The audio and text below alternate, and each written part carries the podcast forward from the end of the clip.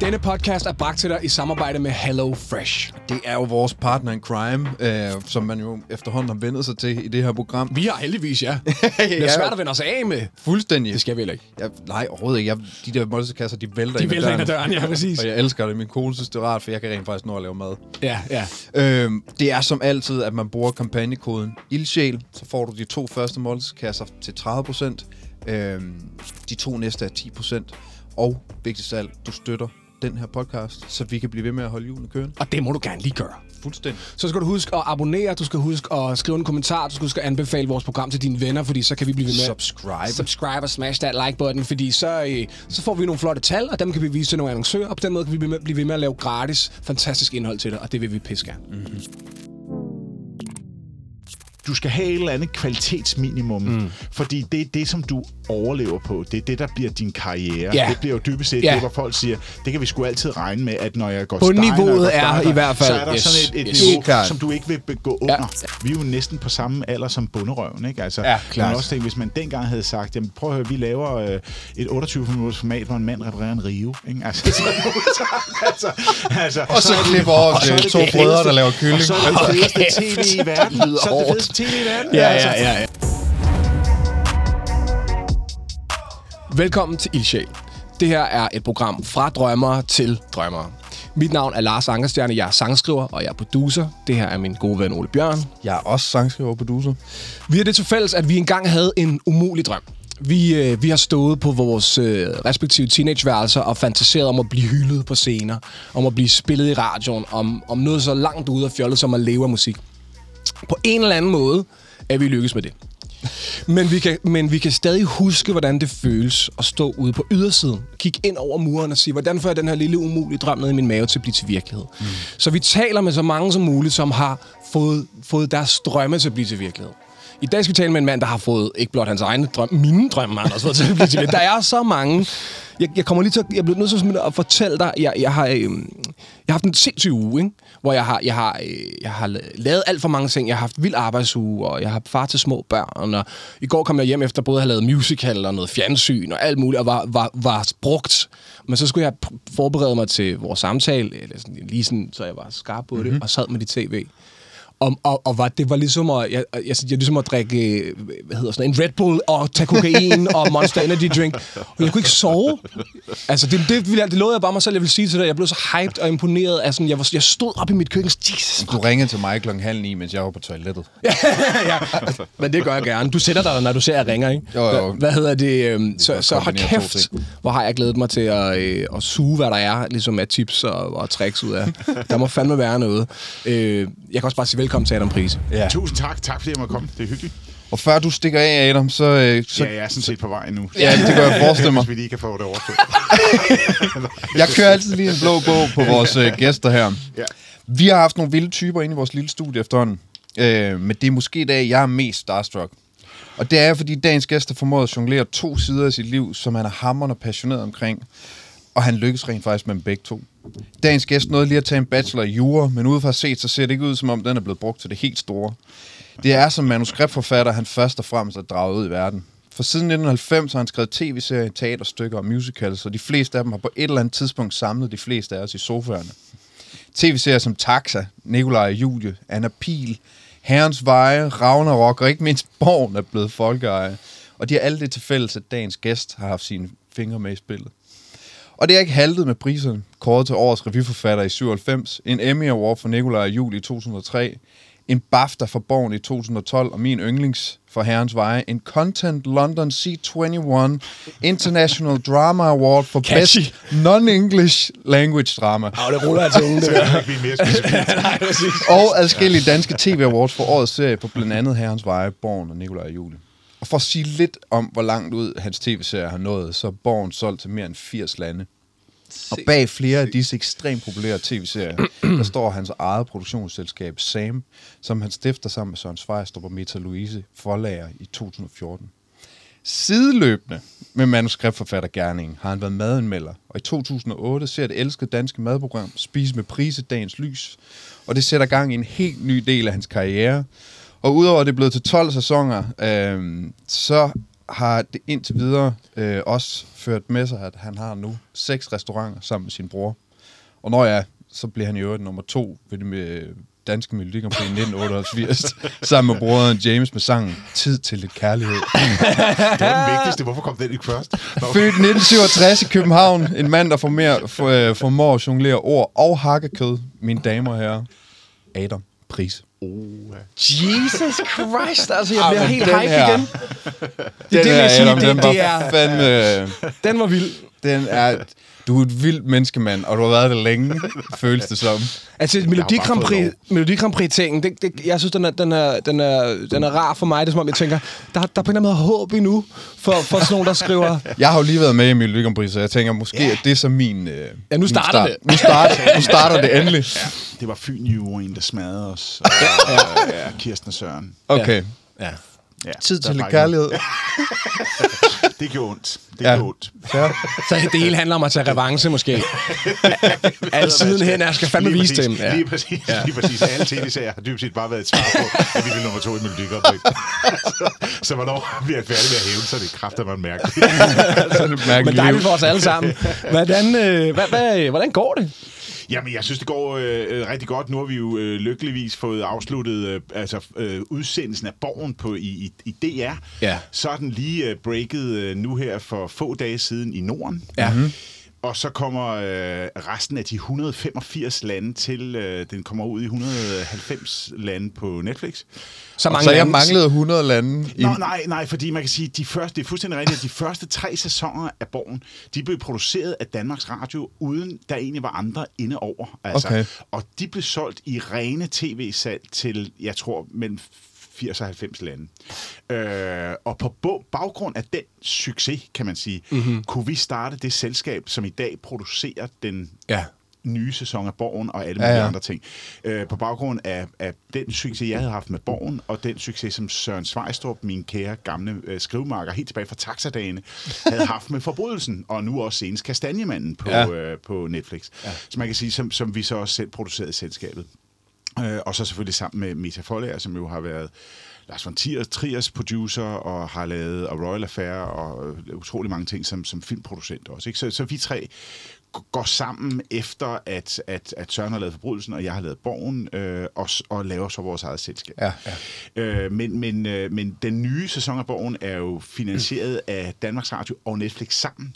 Klart. Øh, og derfor okay. er der lavet sådan nogle forskellige hold-back-ting, hvor man siger, først starter DR, sender den i god gammeldags flow, Ja. så kommer Norden på, det er de lige nu, øh, og så kommer de 185 resterende Netflix-territorier til 2. juni. Det må være, være en sådan relativt ny måde at gå til sådan noget. Altså nu, Netflix har været der et stykke tid, så jeg kan forestille mig, at det er noget, de har gjort i andre lande også, men i sådan dansk regi kan jeg ikke lige komme på Nej. noget, hvor man gør det der. Altså kombinationen af en god gammeldags øh, øh, public service Ja. tv-station, der ja. stadigvæk sender i flow, og så øh, den store øh, øh, mediegigant Netflix. Mm. Jeg tror, at den kombination er øh, forholdsvis ny. Men jeg kan ikke forestille mig andet, end vi kommer til at se meget af den Ja, slags. det giver Nej, mening. nej. Ja, helt klart. Når det breaker i Norden, som du siger, at betyder det så, at Netflix åbner for det i, i Norden, eller er det på, Så på åbner- nordiske kanaler? Nej, nej, så åbner de for det i Norden. Okay. Øh, det er kun DR, der har haft øh, den eksklusiv ret. klart. At det Okay, er DR, der modtaget. sender den på deres egen Flow-kanal. Ikke? Gud, hvor cool. Ja, så, Det- så nu, er den, nu er den åben for, for, øh, for Netflix-abonnenter i, øh, i resten af, af de nordiske lande. De nordiske lande. Og så kommer den på 2. juni øh, i, øh, i resten af verden, kan man sige. Ikke? Det er så Det er imponerende nok, ellers hvis du Ja. manglede 100, tænkte jeg også over før, sådan, du er solgt til 80 lande. Du mangler 100. jeg tror slet ikke, der er 100 lande. det, det, præcis sådan, sådan også. Er der 180 Så mange lande er der ikke. Afrika. det store, Det dejlige store, lidt dejlige land, Det Afrika. vi jo fra den gamle sang. Ja, det er netop det. Lilleland. Det, det, det dejlige lille land, Afrika. Øh, så med andre ord, kog ned, det lyder som om, du har det... Eller er man så afstresset nu, når man når dertil? Altså, det er, det er jo... Det er klart, hvornår, har, hvornår du sat dig ned og skrevet? Der, der er jo enormt lang produktionstid på sådan Ja, noget her. ja. Altså man kan sige, for det første, øh, øh, øh, det er svært at lave nogle hovedregler omkring det. Man kan sige, at få ideen og præsentere den, og få ideen sådan mejslet ned og få bragt de parter sammen, der skal skabe sådan en tv-serie finansielt. Det tager, øh, det kan tage op til et år. Ja. I det her tilfælde tog det lidt kortere tid, fordi Borgen var ligesom et, et, et, et anerkendt format, ja. øh, som Netflix havde været interesseret i en del år, så vi fik bragt parterne sammen. Så lad os sige et halvt år til at ligesom forme mejsle ideen endeligt ned Mm. øh, og, og få parterne bragt sammen. Det tager lidt år at skrive sådan en sæson. Før om du det sætter er- et ord, har du, har du så finansiering, eller hvad? Ja, i det her tilfælde, ja. Okay. Ja, i det her tilfælde helt sikkert. Ja, så, så man kan sige, øh, helt specifikt, så, så øh, dukkede der jo en interessant idé op, som jeg overhovedet ikke anede var borgen, øh, for cirka 5-6 år siden, da min, min øh, rigtig gode øh, be- bekendte øh, ven, Martin Lidegaard, sagde, er du klar over, at øh, i selvstyrelovens paragraf 10 er der sgu, det, det er sgu en meget interessant paragraf, sådan en gammel nørdet jurist, mm-hmm, nu nævnte mm-hmm. du selv, ikke som mig, øh, tænkte sådan, nå fæn, hvad, hvad, hvad står der i den paragraf? Øh, øh, selvstyreloven regulerer jo forholdet mellem øh, Grønlands regering, øh, Grønland og, og Danmark, Ja. og der står dybest set, at hvis der findes noget af ekstrem høj værdi, altså noget i Grønlands undergrund, øh, Ja. så skal fordelingen af rigdomme fra et eventuelt sådan fund, det skal man forhandle om. Og det er jo en klassisk, dramatisk what-if Ja, question. ja, ja, altså, ja, ja. Fordi det er jo en invitation til konflikt. Yes. Det er jo dybest set at sige, hvis vi finder noget, der er rigtig mange penge Ja, ja, ja. så snakker vi om Der er det. guld Vi har, under isen. vi har aftalt, Ja, ja, ja. vi har aftalt det hele, Ja, men det præcis. sværeste, det Ja. venter vi lige med til, når Præcis, det er et rigtigt præcis. problem. Og sådan virkede det også, som det var, det blev sparket til hjørne dengang. Ja. Ja. Jeg tror, det var under Torning, ikke? Altså, hvor man sad og forhandlede og valgte at sige, nej, det, det sparker vi til hjørne, det er lidt komplekst det her nu. Ja. Ja. Vi kan ikke lave en masterplan. Men det svarer jo i princippet til, at man skal arve sammen. Der er bare ikke noget testament. Nej.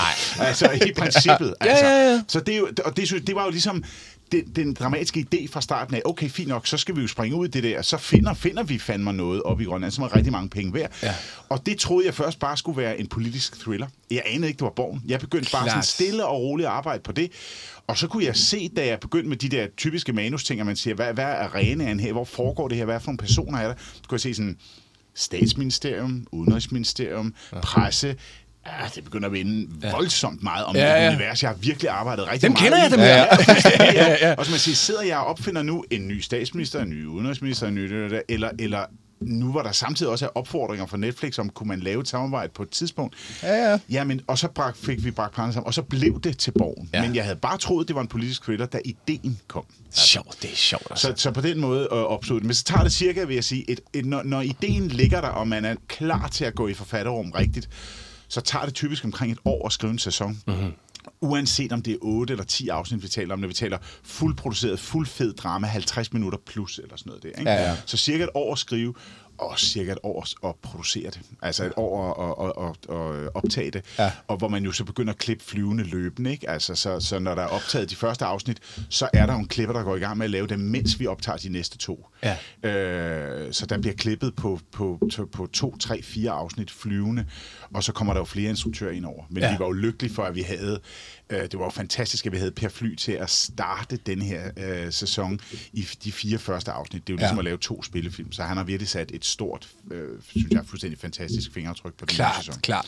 Jeg sidder, jeg sidder og spejler mig lidt i, øh, i, i noget proces, altså hele det her med at få en idé, og vi er i gang med at skrive et, et album lige nu, øh, øh, øh, øh, sammen med en stor artist, eller hvad man siger om det er, men, men, øh, og, og der er ligesom en, der er en undfangelse, og der er en, hov, de her to ting passer sammen, og der vi skriver, og så prøver jeg at finde ud af, hvornår, altså, jeg ved med mig selv, øh, omkring single release, og så mm. tracker man, hvad siger radioen, og hvordan, ja, ja, ja. hvordan streamer det, lytter folk, og der er ligesom sådan en, en periode efterfølgende, efter udgivelse, hvor jeg stadig har zoomet ret meget ind, jeg stadig føler mig sådan gift, og så begynder jeg at give slip på det. Ja. Gør du nogensinde det? Altså med, med sådan et projekt der, nu, ved godt, nu er du midt i, om så kommer. Ja. de nye territorier og sådan noget. Ja. Er der et tidspunkt, hvor det bare er, nu, nu er det verdens? Ja, altså det vil det, det vil det være. Altså øh, lige nu er der stadigvæk noget konkret arbejde med lanceringen Ja. i de nordiske lande nu her, hvor der, hvor der kommer øh, nogle mediefestivaler og ting og sager, hvor man skal ud og, og lave noget af halløj. Ja.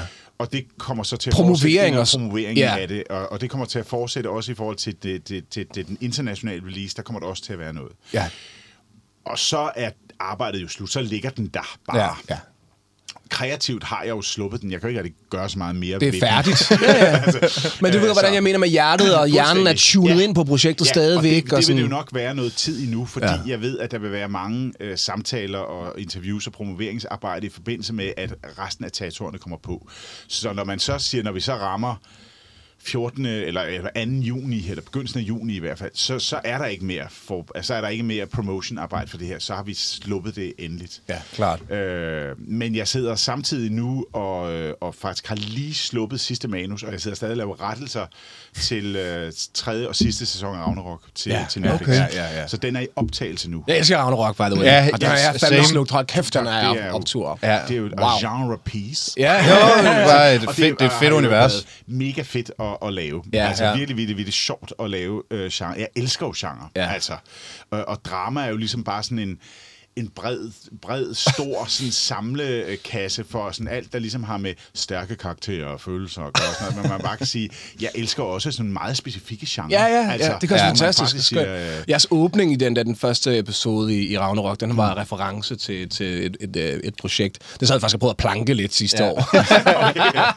det er også en kompliment. Det er jo altså, det for sad lige i skabet, det der, hvor de kommer kørende ind til byen, til det der, hvad er det for en track der, ja, der brugt der. Det er så hårdt, altså. Nå, men det er også lige meget. Måden at kigge ud af vinduet på. der Alt det der sad vi og, og prøvede at stjæle, 20 stjæle. Ja. Men great artist, fedt, fedt, great fedt, artist fedt, steel, fedt, så... ja. ja, ja, ja. Adam, nu, det er sådan lidt din proces lige nu. Jeg, altså, for, for alle skyld, måske specielt min, kan du tage mig ned til begyndelsen af dig og dit? Øhm, hvordan bliver man manuskriptforfatter for det første? Øh, det er der jo tusind måder at blive på, Ja, men klart. din, din tur derhen, hvordan ser den ud? Hvordan starter sådan noget? Jamen, den starter nok for mit vedkommende lidt anderledes end, end mange andre, der vil være manuskriptforfatter, fordi jeg kommer fra sådan en, om jeg så må sige, et belastet miljø. det kan jeg godt sige. Jeg kommer Ja. ja. fra en elgammel øh, teater- og artistfamilie, Ja. som går 300 år tilbage. altså, satme også vildt, mand. øh, hvor den første kommer fra London og bliver født omkring 1700. Længere kan vi i hvert fald ikke gå tilbage. Og de har på en eller anden måde i 300 år altid forholdt sig til at underholde et publikum. På Ja. ja. en eller anden måde. Wow. Nogle af dem har været skuespillere, nogle har været sangere, nogle har været dansere.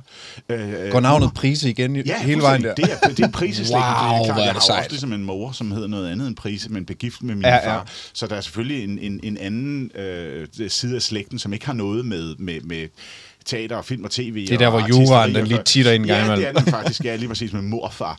Men, øh, men, men nu, bare lige, hvis vi holder os til artisterne, så er det altså folk, der er alt fra fine kunstnere ved etablerede institutioner som det Kongelige Teater og Mm. sådan noget der. Og så er der altså dybest set folk, der står på en ladvogn og jonglerer med bolde. Gøjler, altså. Gøjler, Ja, ja. straight gøjler. Ja, ja. Altså, og, Skønt. det, og det er faktisk dem, vi specifikt nedkommer fra. Fedt, vigtigt. Ja, vigtigt. Det er det. Altså, det er, det er rejsende gøjlere. Så, så øh, min bror og jeg, vi er faktisk øh, anden generations indvandrere. Vi har aldrig, altså vores, vores, øh, øh, vores bedstefar, altså vores farfar, talte ikke dansk overhovedet. Okay. Var her meget, meget kortvarigt. Ja. Øh, og, og skred så. Øh, og min, øh, min, øh, vores far voksede simpelthen bare op øh, uden far øh, med, øh, med, med en, en, en barfodsdanserinde, som det hed. Det har nok været sådan, det er lidt lettere dans. Okay. Skal vi ud og tangere Det udtryk Jeg ved det ikke. Bringer jeg tilbage ikke. nu, kan jeg lige så godt sige. Barfodsdanser. Barfodsdanserinde. Var det ikke cool? Men det er fordi, der var, Det er man cool. skældede- Det er- Jeg vil godt høre den sommertune. Jeg kan få smidt det ind i så mange Ja, samtaler, det det, det. vil jeg sige. Men man skældede jo mellem dem, der dansede den fine dans, tåspidsdans, inde på det kongelige teater, og så dem, der ikke havde tåspidsskoene på, og derfor var barfodsdanser. Altså, så derfra dybest set. Så, så, så, så, Wow. så, Så det behøver var- ikke at være en, der er let forklædt, er det, øh, du nej, siger? Nej, det behøver det ikke. Det, det morer vi os nogle gange med at sige, men selvfølgelig var vores pæne gamle farmor slet ikke sådan. Men, men hun var ikke desto mindre nogle gange nødt til at tage ud og danse på bitte små scener Ja. rundt omkring, hvor der sikkert bare var strøget noget sand, og, og hvor der sad nogle folk Nogle i har klappet i taks bare. Ja, ja, ja, ja. Og sådan noget der. Altså, Ja, wow. øh, og, og, og vores far var fuldstændig autodidakt. Han kom, ja, han kom ind på den kolde teaters balletskole, hvor man jo dybest set lærte at danse, men nærmest ikke lærte at stave og skrive. Klar, Og det var ligesom den han, ting, Han ja. kunne ingenting på den front overhovedet. Mm. Han skrev så dårligt hele sit liv, og han skammede sig. Han ville ikke vise folk sin håndskrift. Han ville Nå. ikke vise folk, hvor, hvor dårligt han stavede. Ikke? Så jeg kommer Det fra relaterer jeg en smule til, ja. mærkelig øh, ophav af det. Men jeg voksede op med to forældre, som var skuespillere på Ja. ja. Kongelige Teater, øh, var instruktører, og min mor blev senere øh, teaterchef.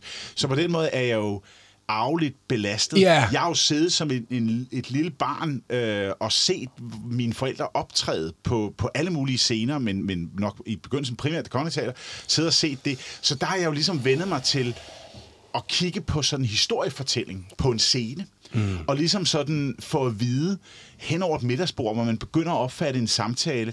Jamen, øh, i, i aften skal du se, din far han spiller kongen, mm. eller, eller mor hun spiller det og det og det.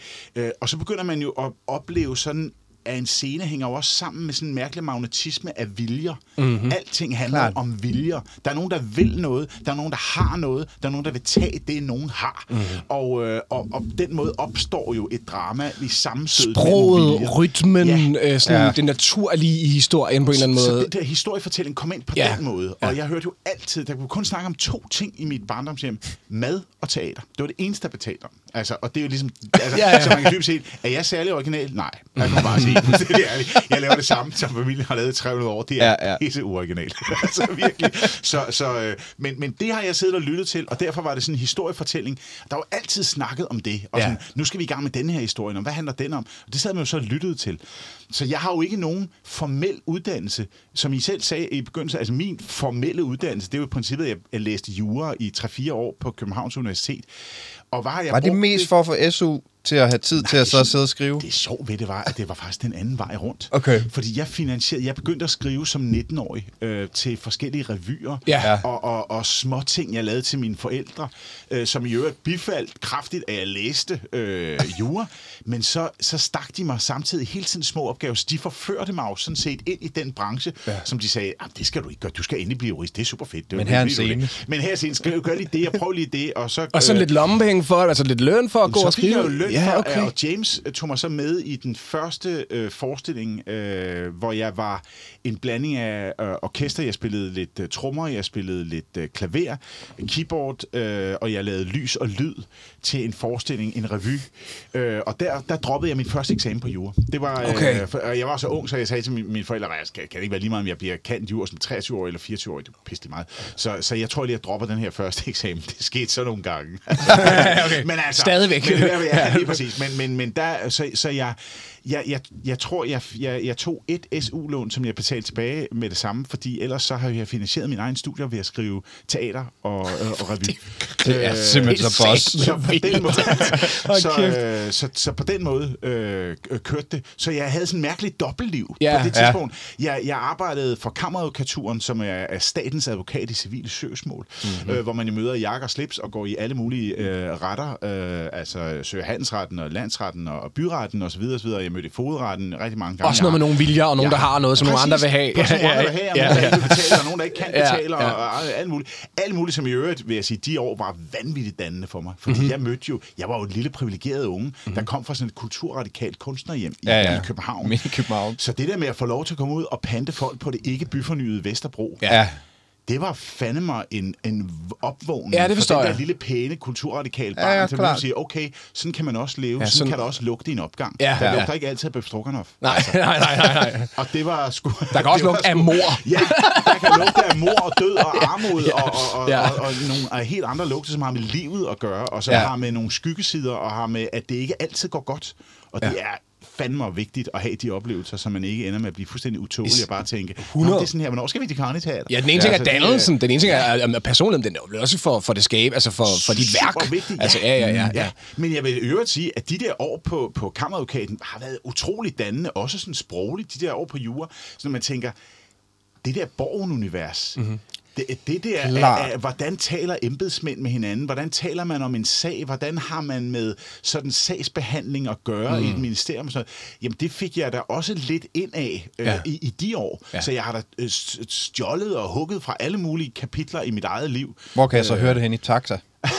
jeg må høre det her, så, jamen der, øh, jeg vil sige, øh, der, der kan du høre lidt fra, fra, fra nogle af dem, som sad på den anden side af bordet, øh, når jeg var ude i fodretten. Ja, fair. som, ja, det giver mening. Jeg, men, men dybest set, så begyndte jeg at skrive på, på, på alle mulige småting, mm-hmm. øh, og jeg jo, har jo ingen formel uddannelse Nej. inden for det, jeg laver. Nej. Jeg begyndte bare at skrive, så det er, for mig er det, kan man sige, learning by doing, og så er det mesterlærer.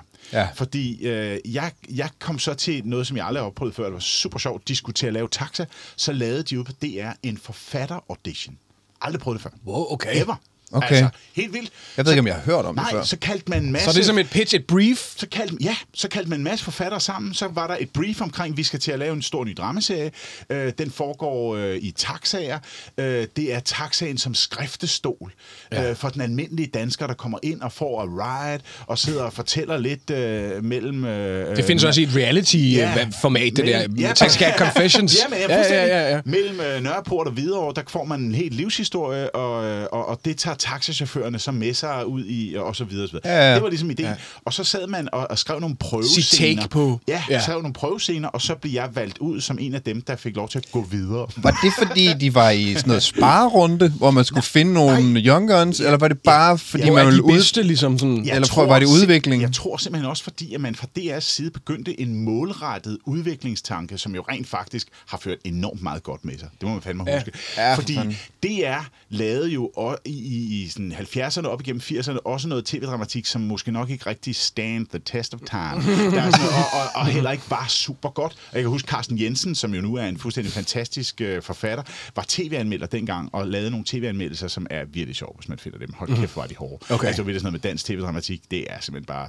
let it die, altså like a rat in the road. Ja. Altså, det var virkelig Take it out of its misery. Livet er for kort Ja, til dansk ja, ja, tv-dramatik. ja. Og det tror jeg, man fra DR's side havde lyst til, nu skulle der ske noget andet. Sejt. Øh, og så kom øh, Øh, Rumle Hammerik, øh, som, var, øh, som var dramachef derude i relativt øh, kort tid, men havde en stor betydning i det, han var i gang med simpelthen et, et større projekt, at vælte muren mellem det, der traditionelt set havde været dansk tv-dramatik, som var sådan en underlig genre, men fanden, hvad fanden var det? Og så filmbranchen. Mm-hmm. Så pludselig begyndte at sige, hey, vi skal sgu da have filminstruktører, vi skal da have filmfotografer ind og lave et helt nyt øh, cinematografisk udtryk på det her. Vi skal sgu da fortælle nogle andre historier i tv, end sådan nogle tv-spil, man tidligere havde haft. Noget, noget nærmest en filmet teater, eller noget, der lugtede rigtig meget socialrealisme. Så, så det gik han i gang med, og så kom Ingolf Gabold bagefter og fortsatte og, og, og udviklede hele afdelingen, og, og, og så der skete rigtig meget de der år, og, og der fik vi lov til at komme ind og være en del af den mm, proces. Mm, mm. Og jeg tror, man der også sagde, vi skulle nødt til at have nogle andre end, hvad kan man sige, jeg ved godt, Lars Pardue var død på det tidspunkt, men ellers havde det været sådan noget, altså dem, der havde, skrev, havde skrevet tv-serier, så vi må have nogle unge forfattere ind også. Ja. Og så fik jeg lov til på taxa at gå i mesterlærer hos Stig Torsbo, som jo øh, skriver den dag, som skrev Krøniken, som har skrevet nogle af de største succeser overhovedet, som nu skriver Badehotellet. Øh, og han var selv, kan man sige, en mesterlærer-elev, sådan fortalte han mig det i hvert fald, af Balling og Ja, Bas. ja, så ja, man, det ja, går sådan ja. en sjov lige linje øh, cool, mellem nogle af de der gamle drenge i branchen, Ja. øh, hvor jeg så fik lov til at være en af de unge drenge, og dybest set lære at skrive ved at skrive. Det må være noget af det mest værdifulde, som, altså, man overhovedet kan, kan, kan, kan, kan, kan få lov til at have i sin karriere og i sit, og i sit liv, og få lov til at have en mentor. Altså få lov til netop, at, i stedet for at skulle suge det ud af en, af en tekstbog, øh, bog, ikke? at netop få lov til at sige, okay, virkelig, i virkeligheden er det sådan her. Og så, og så få lov til at se sine ting produceret. Tænk, Jamen, hvad det betyder. ja, det, betyder. vildt. men for det var helt vildt. Øh, og det havde jeg både fået lov til, når jeg skrev det der korte revyformat og, og små ting til teater og sådan noget. Det, at man rent faktisk så lortet. Ja, hvordan ser det ud? Ja, jeg- I stedet for, ja. at man bare bliver ved med at lægge ting ned i, i, i en bunke, ja. i Ja. en skuffe, og man siger sådan, en dag, så skal det her udkomme. En dag er der nogen, der skal sige det her ord. Og det er ikke altid den dag kommer vel. Men her var jeg ligesom for lov til at komme ind i en proces, som var i gang. Ja. Altså, det blev simpelthen produceret. På Taxa, det var fuldstændig vanvittigt. Det, vi skrev om fredagen, det øh, var de jo nærmest i gang med at optage om mandagen. Altså, det var virkelig sådan. Så man, man lærte jo også at sige, de scener, der overlevede at komme igennem hovedforfatteren, som jo var Stig Torbos og hånd, og når man kunne genkende lidt af sig selv, ja. så sad man jo og Så havde man det vildt. så var man både var det, var det sindssygt at Ja, se, og så ja. sad man jo og se, okay, det virkede, det virkede mindre godt. Ja. Okay, hvad fanden er det, det der? Hvordan, for, Der er noget helt specielt i det der, altså. det, det betyder så meget. Altså, Mine år på kunst, det- nogle af de bedste timer, jeg havde derude, var øh, med øh, den lærer, som ligesom var min hovedlærer. Og han lagde altid op til, at det, vi forholder os til, skulle være det, vi arbejder med ude i virkeligheden. Så de der sådan små major label udgivelser, jeg var begyndt at arbejde med, det var det, vi sad og forholdt os til der. Mm. Det var det, der blev sablet ned. Det var det, der blev fuldstændig smadret, og så kom det ud ugen efter, ikke, hvor sådan, det ændrede I ikke, eller hvad? Nej, okay, nej, vi- vi troede du på det. Ja. Men til gengæld så bliver det bare så definerende for en, at Ja. man forholdt sig hele tiden til den virkelighed, man var i, i stedet for et eller andet stykke jazzkunst, som hvordan satte du mikrofonen eller et eller andet. Ja, ja. Det var det popmusik, vi skulle ud og lave bagefter, som vi sad og forholdt os til så, og så det hele den der mesterlærer ting der, som jeg Men nogle var, gange... der, var der nogle gange, var der nogensinde i løbet af det der, var der nogensinde et oprør? Altså nu, nu sprang vi fra, fra, fra dramaturgi ved midtersporet øh, til, til, til taxa nærmest, ikke? Ja, ja, ja. Skulle du nogensinde øh, sige, I kan glemme det? Altså det, det der klassiske, hvor man vil være det modsatte af sine forældre. Ja, altså man kan i hvert fald sige, de sagde jo til os dengang, at øh, øh, I skal nok vælge noget lidt andet, end det vi laver, fordi de havde haft enorm succes med det, og var jo nogle meget, i deres tid, meget berømte mennesker. Jeg- voksede også op med to forældre, som alle folk vidste, hvem var. Klart. Og når man gik på gaden sammen med sin far, så pegede folk også sådan, ja. noget. Ja. Så det var sådan, øh, så de var sådan, øh, pas på, for der vil være nogle store fodspor at fylde, hvis I vælger præcis det samme som Ja, os. ja. Så får man altid den der sammenligning af, ja, okay, men hans far var sgu lidt bedre, eller hans mor var sgu øh, bare øh, grundlæggende mere talentfuld. Og så. Altså, ja. det, så jeg tror, det var en fordel. Min bror valgte musikken, jeg valgte ordene, og det var ligesom noget andet end dem. Så, så oprøret lå vel i, øh, at, at man simpelthen lavede noget andet end dem. At man ikke, at man ikke valgte det samme. Ja. Altså, og så kan man så diskutere, om det var et oprør, eller det var et godt råd. I hvert fald så, så, øh, så fungerede det for mig, at jeg ligesom følte, at jeg trådte ind på et område, som de egentlig ikke havde lavet så meget af. Altså, min far havde skrevet en lille bit smule og havde oversat nogle ting og sådan noget, men, men, men ellers så var han jo ikke manuskriptforfatter. Så det var egentlig fint, at jeg kunne få lov til at træde ind i et rum, som var mit i forhold til Ja, familien. ja. hvert Men der var ikke det der, alt det her showbiz, øh, barfodsdanseri, det kan I kan ikke. Nej, jamen, jeg det er bliver anmelder. Ja, men, det, er- jeg, faktisk, at man kan sige, da jeg læste på universitetet, der troede jeg jo, at jeg skulle være advokat. ja, ja, ja, ja. Så der var det faktisk lidt mere en misundelse, fordi min bror øh, blev uddannet ved, ved øh, det klassiske konservatorium som, som, øh, som komponist, Ja. og begyndte næsten med det samme at arbejde sammen med dem også. Ah. Så nogle gange, så sad jeg jo og hørte dem, der sad mm. inde i stuen og snakkede om forestillinger, de skulle lave, og, og at James skulle være kapelmester, dirigere eller spille til, og skrive musik til forestillinger, og jeg var sådan, nå, okay, det, det lyder da meget fedt, det I sidder derinde. Så jeg var lige oppe og læse 12. noget personfamilie afret, Ja, ja. og sådan noget. Altså, det var sådan... Det sorte får ja, juristen. Ja, præcis. Ja, præcis. Sådan er det- sådan er det ikke i Hundi. Det vil jeg altså bare lige sige. Altså. så, så, så jeg sad faktisk og savnede det, fordi jeg, jeg kunne, havde jo en normal fornemmelse af, at det var sgu noget, vores familie lavede, vores stamme, de spillede på den Ja, to det til den tromme. Ja, ja. Øh, Så det var nok noget, jeg skulle på et eller andet tidspunkt. Så, så, så jo mere jeg gik i retning af juristeriet, jo mere var jeg sådan lidt, åh, for helvede, mand. Jeg kunne godt høre, at de stadigvæk sidder og synger de gamle sange oppe i bakkerne. Ja, ja. Altså, så der var sådan noget... Øh, så det, det var... øh, Det, det, det, længes, længes jeg jo klart imod. det er så vildt, det der. Og så begyndte jeg at skrive, og så faldt jeg jo totalt til patten. Og så tror jeg at de synes, at det var, det var cool nok, altså, da, jeg ikke, en, da jeg ikke immatrikulerede mig næste gang, eller da, altså, da jeg ikke fornyede mit årskort Ja. på universitetet, og Ja, bare valgte ja. at sige, okay, nu prøver jeg. Ja. Øh, men jeg kan godt huske nogle af det, da jeg sagde op på kammeradvokaten, der var der nogen, der virkelig undrede sig. Altså Okay. okay. personalchefen, som bare sådan, hvad er det, du siger, du vil? Ja, ja. Jeg skal skrive noget teater. okay. Det lyder som slang for, at jeg skal, det som slang for, jeg skal ryge noget hash. jeg har en plan om at ryge. Ja, ja. Jeg stikker mig med en pige. Ja. Det er sjovt, fordi jeg, øh, jeg, øh, min kæreste er, er skuespillerinde og har blandt andet lavet rigtig meget musical, og jeg øh, har jo også i showbusiness. Og vi øh, har to små piger. Vi diskuterer hele tiden det der med, Altså, vi skal passe på med at komme til at downloade, hvem vi er, og, og du ved, der skal være plads, til, de skal kunne blive lige præcis, hvad de har lyst til, de der piger der. Men på den anden side er det jo også vores store passion, og det vi ved noget om og sådan noget. Og, og, og når du sidder og fortæller om det der med at være din stamme og, og generationer af, af, af gøjler, Ja, ja, ja. og, Ja, og ja, så bliver jeg sådan, lige pludselig får jeg den målsætning, jeg sådan, måske skal vi være, du ved, det, måske skal jeg om tre generationer. Første, første trin barfodsdanser. Ja, lige præcis. Nu tror jeg, jeg indfører sådan nogle, du ved, ugentlige Af med skoene, piger. Jamen, det lyder bare enormt romantisk, og ja, det er sjovt, det er en konflikt, jeg har med mig selv, hvor jeg er sådan, Ja. ja. man skal også, fordi showbusiness, what, sikke en dårlig plan egentlig at have leve i det, ikke? Ja. Altså, men, men og, og, og, og samtidig er det jo ligesom det, mor og far er Præcis. allermest op at køre over, ikke? Vi diskuterer det, jo også... Og det kan man ja. jo heldigvis ikke lade være med at vise dem, og det synes Nej. jeg også, man skal vise dem. Altså, Ja. det jeg jo tænkt meget over også, fordi man nogle gange som forældre, hvis man er meget væk i perioder, der kan man godt forfalde lidt til at sige, Åh oh, ja, altså jeg vil jo meget hellere være, jeg vil meget hellere altid bare være hjemme. Øh, nu skal jeg ind på det teater, eller nu skal jeg ind øh, og, og skrive den film, eller nu skal jeg ind og, og lave serie og sådan noget. Og der er jo et eller andet sted noget vanvittigt i det, fordi øh, ens unger ender med at tænke sådan, okay, så du tager ind et sted hen, som du virkelig ikke har lyst til at være. Mm-hmm. Altså, jeg tror, det er ret vigtigt, at, at man i den der dårlig samvittighed forældre, jeg arbejder lidt for meget, øh, at man faktisk også får fortalt sine børn, at man laver noget, man synes er det fedeste. Ja, mand. Ja, ja Ja, mand. det er 100. så ja. vildt Ja. ja. for en, når man kommer hjem og er lykkelig og Ja. glad, og man sørger for, at de ved Der det. findes et arbejdsliv. Der det findes et jeg arbejdsliv, hvor man folk er op og og som køre. Gør en, Ja. ja. glad, som Ja, gør en ja. glad også, så man kommer hjem også med det. Øh, fordi det, altså, så de skal sgu nok finde ud af, hvad de vil. Den Men er rammer mig lige cool Ja, lige det nu, er den fucking der. fedt, Jeg det der. har lige fået en lille datter på tre måneder, og Ja. det, den der kamp der med, jeg synes fucking, det er fedt at sidde i studiet.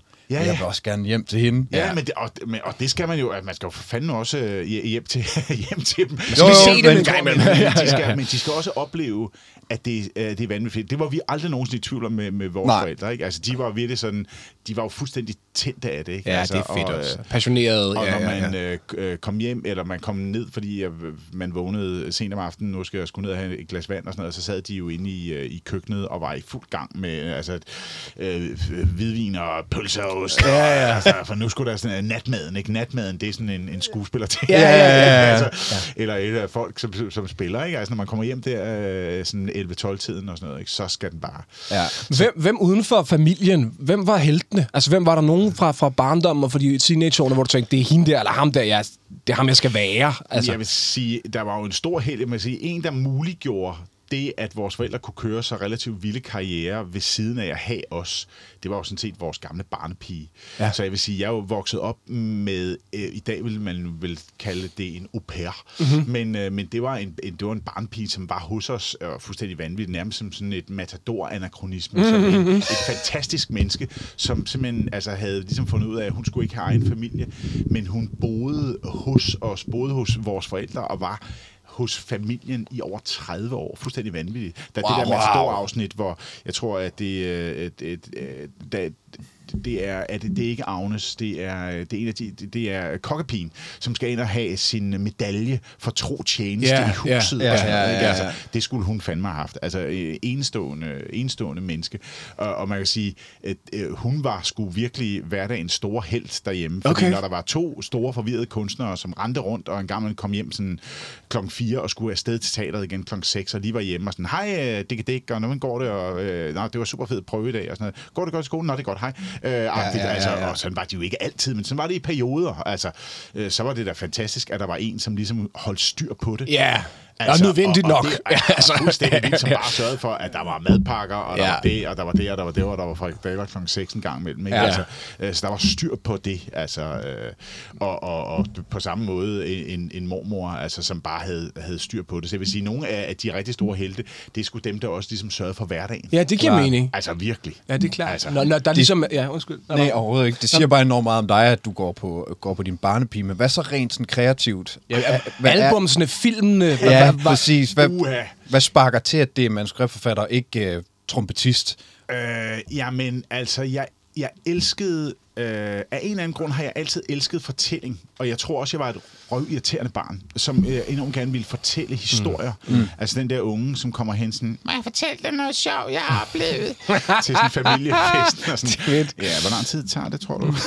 så, så, I det mindste har der været en Det begyndelse tid. og en midte. det tager lang tid. Ja, ja, jeg elskede, og jeg elskede at fortælle, og, jeg, øh, og det lyder også irriterende, når man siger, at man elsker at skrive dansk stil og engelsk stil, og gud bedre tysk stil. Men jeg elskede at fortælle, når, når der var fristil, når der var mulighed for at kunne fortælle en historie, synes jeg var fuldstændig vildt fedt. Så på en eller anden måde, det, det, det satte sig altså sådan en ret stor glæde ved det. Ja. Og min bror øh, er jo otte år ældre end mig, og, og derfor så, øh, vi har aldrig nogensinde haft sådan en barndom, hvor vi sloges om tingene, fordi han var så meget ældre. Ja. Så, øh, så han var ligesom bare videre. Mm. Altså, jeg legede med bamser, da han, Han gik bankede dig bare, hvis det var. Han bankede mig bare. det var. Så det, var, det var meget stille og roligt. men, men jeg begyndte at interessere ham, da jeg kunne svare igen.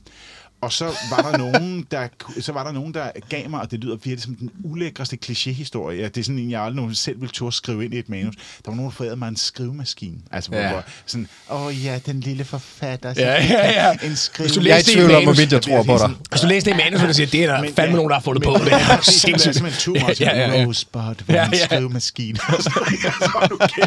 Men der var rent faktisk nogen, der forærede mig en grim, gammel, rød Remington rejseskrivemaskine. Hårdt, og den begyndte Ja. vi at skrive sådan nogle historier på. I ved ligesom det der, hvor man, altså el gammel leg, hvor man, nogen tegner et hoved og folder papiret. Ja, ja. Så no- nogen tegner Ja. kroppen, folder papiret, og nogen tegner benene og sådan noget. Ja. Sådan nogle lavede vi sådan nogle mærkelige historier, hvor man bare lige fik den sidste linje af det, den anden skrev. Ja. Så havde velkommen måske startet på en røvsyg socialrealistisk historie, eller en gyser. Så lavede du en rom-com. Og så lavede man sådan lige præcis.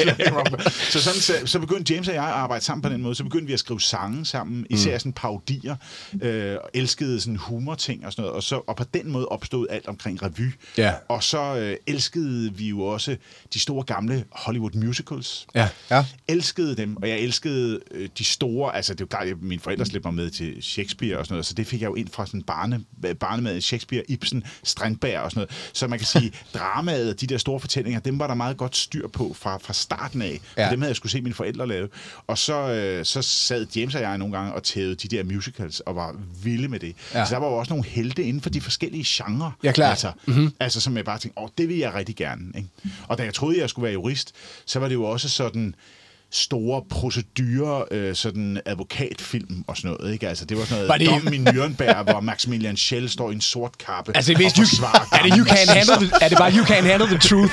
Du har fantaseret om, det egentlig var det, du ville. Ja, præcis. præcis. Altså, det, det, var det, det var det, jeg troede, jeg skulle. Da jeg skulle være jurist, så skulle jeg være sådan en jurist. Ja, ja, altså, ja. sådan Ja. lidt sådan en drama En iscenesat- En iscenesat Som man jo snilt kan i Danmark. en stor kappe og bare sådan, denne kvinde. Ja, ja. Sådan noget, ikke? Altså, så, det var, så det var det. Men altså, sådan, så, så der var mange helte inden for de forskellige genrer. Ja. Ja. Og det var helt klart, James og jeg ønskede at skrive en rigtig musical øh, på et tidspunkt. Ikke? Altså, fordi vi, vi havde lyttet til, og vi elskede øh, Sondheim, vi øh, be- beundrede der er helt klart også øh, Webber, og da, da, da de der sådan, opera musicals begyndte at komme, hvor det Ja. var gennemkomponeret fra start til slut, der var ikke et talt ord, tænkte vi også, sådan en, den må vi fandme lave. Sådan en skal vi lave. Ja, Ja, den skal vi ja, fandme ja, lave, ja, ikke? ja, Altså, øhm, og det er klart, øh, film og tv, øh, dengang var tv-serien jo bare ikke så udbygget. Det kom jo hen ad vejen. Dengang var tv-serien stadigvæk en genre, som mm, var begrænset i Ja. sit udtryk. Ja. Altså, jeg voksede op med sådan nogle underlige gamle, altså sådan noget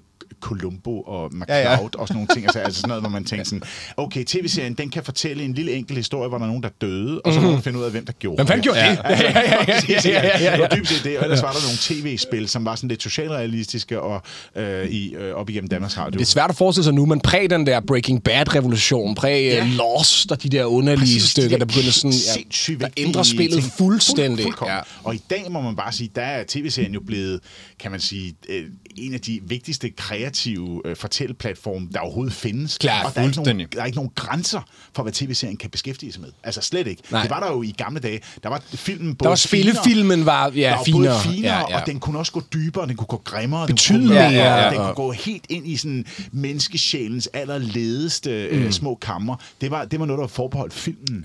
Ja. Øh, og i endnu ældre dage, teateret og sådan noget. Ikke? Der var tv-serien beset på som sådan en lidt let genre. Det Ja. ja. tror jeg ikke, der er, er nogen, og især ikke sådan yngre generationer, som oplever, at der er sådan en helt stor diskrepans mellem, hvad tv-serien kan fortælle, og hvad filmen Nej. kan fortælle. Det er sgu mere, om du har en afsluttet fortælling i en time og 30, jamen så skriv en spilfilm. Altså, Ja, ja. Og hvis du begynder at udvikle et galleri, hvor du kan sige, det her, det, det bliver bare ved. Det bliver bare ved Ja, med ja, at fortælle. ja, ja, Det bliver ved med at give det her univers. Jamen så kan det være, at du er i gang med at lave en tv-serie. Ja.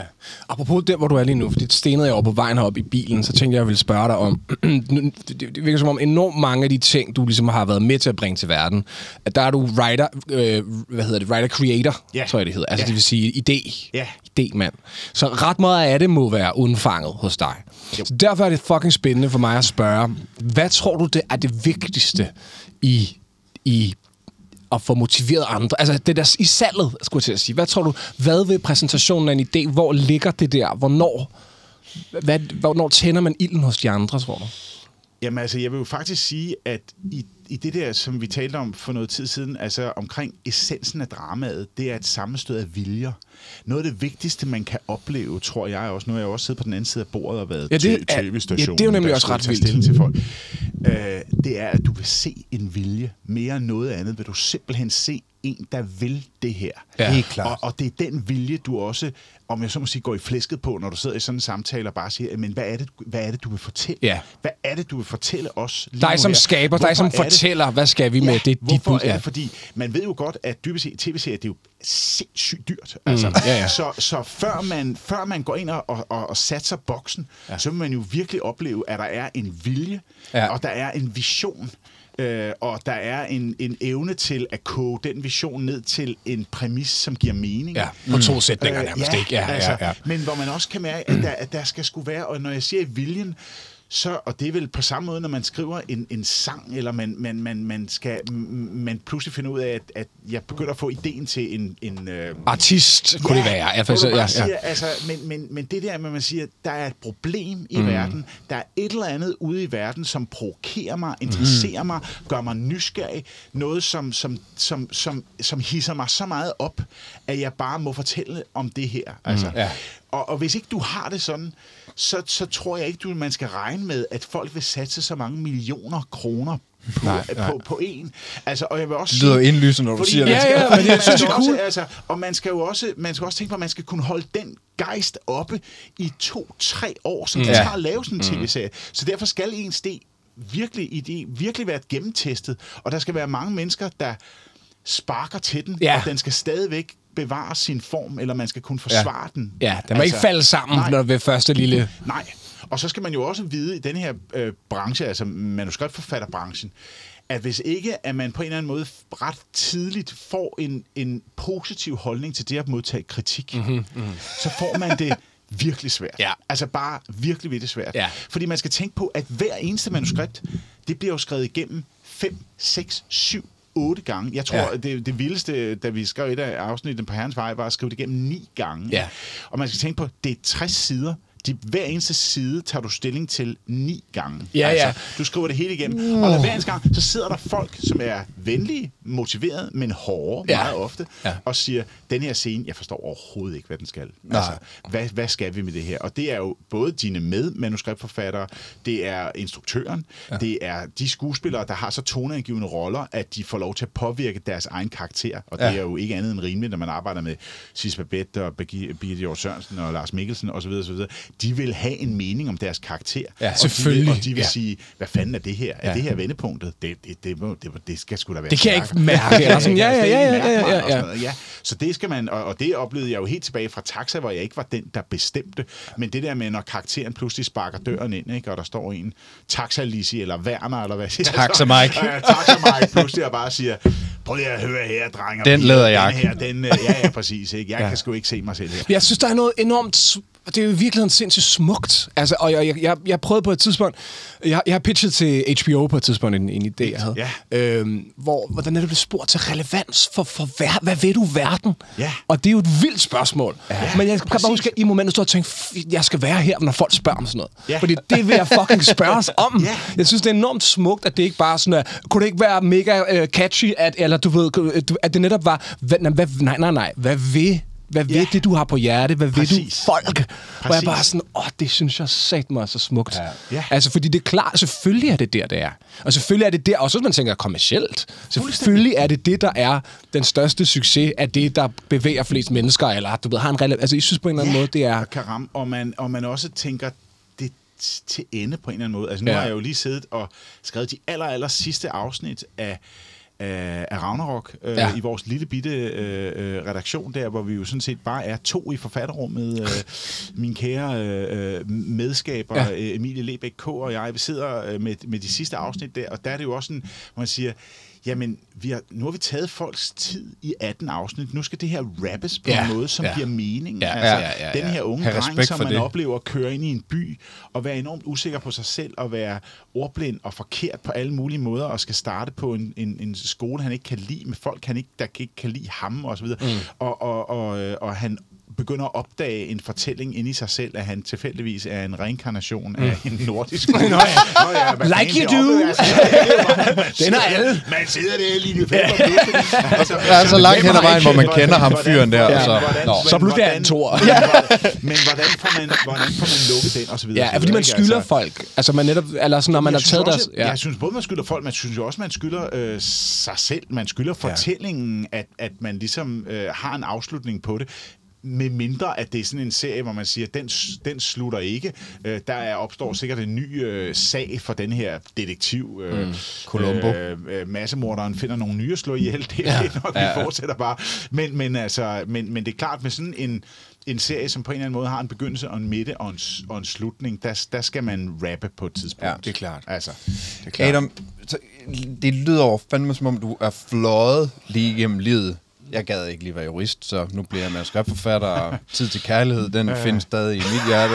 Altså, du ved, øhm, der må være, forestiller mig, et tidspunkt, noget, hvor det har været svært, altså noget, hvor du har skulle arbejde dig igennem. Altså, det der ride room på taxa lyder jo ret sådan epokegørende for dig, men turen videre, er der noget tidspunkt, hvor du sådan enten sætter spørgsmålstegn med de valg, du har taget, eller hvor du skal forandre dig? Ja, altså jeg vil sige, øh, hvert projekt har jo vanskelige perioder. Altså det, det er enormt vigtigt at holde fast i. Altså selvom at det, når man sidder og læser sådan en CV igennem, tænker man, fuck man, det har jo ikke været andet end bare sådan, og så det, og så kom der en ny, og så gør sådan, ja. og så bliver Ja. det det der højdepunkt, og det der. Sådan er det jo ikke. Man render jo også ind i kreative kriser. Det havde vi jo også på, på Borgen, selvom at man nu kigger tilbage og siger, at det var en stor succes. Og hold kæft. Men vi oplevede da også der at være enormt i tvivl om, om, om var, det, var, det, var vi på vej det rigtige sted hen, og så videre. Ikke? Mm. Havde, vi valgt, havde vi valgt rigtigt? Var der nogen, der ville give at se en dansk serie om koalitionspolitik? Mm. Altså, mm. altså Ja, og på samme måde. ja, ja, præcis. Der er rigtig mange. Og jeg har også skrevet Og så 180 teater, andre Jeg har lande. også skrevet teaterforestillinger, hvor man tænkte, hold kæft, det gik godt, og nej, og vi står og vinder en røgmåt, og er enormt glade. Og så skriver man en forestilling et par, øh, et par sæsoner senere, som pludselig ikke rigtig lykkes, og mm. hvor det jo også er enormt vigtigt øh, at, at for eksempel kalde nogle mennesker ind, som man stoler på, og mm. bare siger, hvad fanden gør jeg galt her? Ja. Ja. For jeg føler mig erfaren, og jeg burde vide, jeg burde vide bedre, mm. hvad er det, jeg hvad er det, jeg ikke har, har gjort Har her? set, Hvad er det, jeg ikke har ja, set ja, ja, her? Ikke? ja. Altså, og, og nogle gange så er det nogle af de der fuldstændig elementære ting, som et drama skal have, altså øh, i form af altså, karakterer, man gider at engagere sig i, eller af, at, at det, man jo i manuskriptforfatter engelsk kalder the forces of antagonism, mm. altså, dem, altså modstanden mm, i universet, mm, mm. ikke er stærk nok. Altså sådan nogle fuldstændig basale ting, som Ja. man bare siger, det, det burde være det første på din checkliste, når du sidder og går din scener Åh, oh, vi kender det der fra sangskrivning, Ja, ikke? Det er bare sådan, Men du, er høj, du, du giver alt væk i broen, så Ja, ja, ja. ja. omkvædet er kedeligt. Ja, sådan, du ja, ved, ja. altså, ja, ja, ja, ja, ja. Og, og, og, og, og sådan noget kan man glemme stadigvæk. Ja, det kan man jo. Det er Når det, der er man- så når man sindssygt. er, Ja, øh, det i kan man jo. gammel og klog og burde vide bedre. Har så er man gjort sådan, det, ligesom. Helvede, Ja. mand, øh, hvorfor lavede jeg min modstander øh, så svag, Ja. så på en eller anden måde er konflikten ikke interessant nok på det her tidspunkt. Tilbage og ret, tilbage og Ja, ret, tilbage ja. og ret hele tiden. Og udsæt dig selv for størst mulig fare Ja. i den kreative proces. Altså, det vil jeg altid sige, sørg for at have nogle folk inde, som du virkelig respekterer, som er mindst lige så kloge som dig, gerne klogere, og Helst, uenige ja. med dig. Ja. Og Ja, ja, ja, ja, dig. ja, ja, Noget af det ja. vigtigste overhovedet. Kritikere, ja, ja, Og ja, det vil ja. jeg også sige, øh, også i sådan ledelse, eller hvad fanden man nu skal kalde det, altså, fordi man, man leder jo også et projekt, når man, når man er øh, chef på en tv-serie, eller man er chef for en produktion, der skal lave musik, eller hvad fanden mm. det er. Altså, man må også bare sige, det, er, det, det, det skader altså ikke, at man tester sit produkt med Nej. andet end medløber. Nej, jeg vil faktisk næsten sige, at du skal gå hen til, no- til ham, ham eller hende, Ja. som du i virkeligheden er lidt bange for Ja. at høre meningen fra. Altså, det fordi, du, og det kan man jo komme til tit, det der med, at man siger, jeg sender den ikke lige til... Ja. Jeg ved godt, at det men skal det være hende, du sender den til, jo. Ja, altså, lige fordi hvis jeg lige sådan...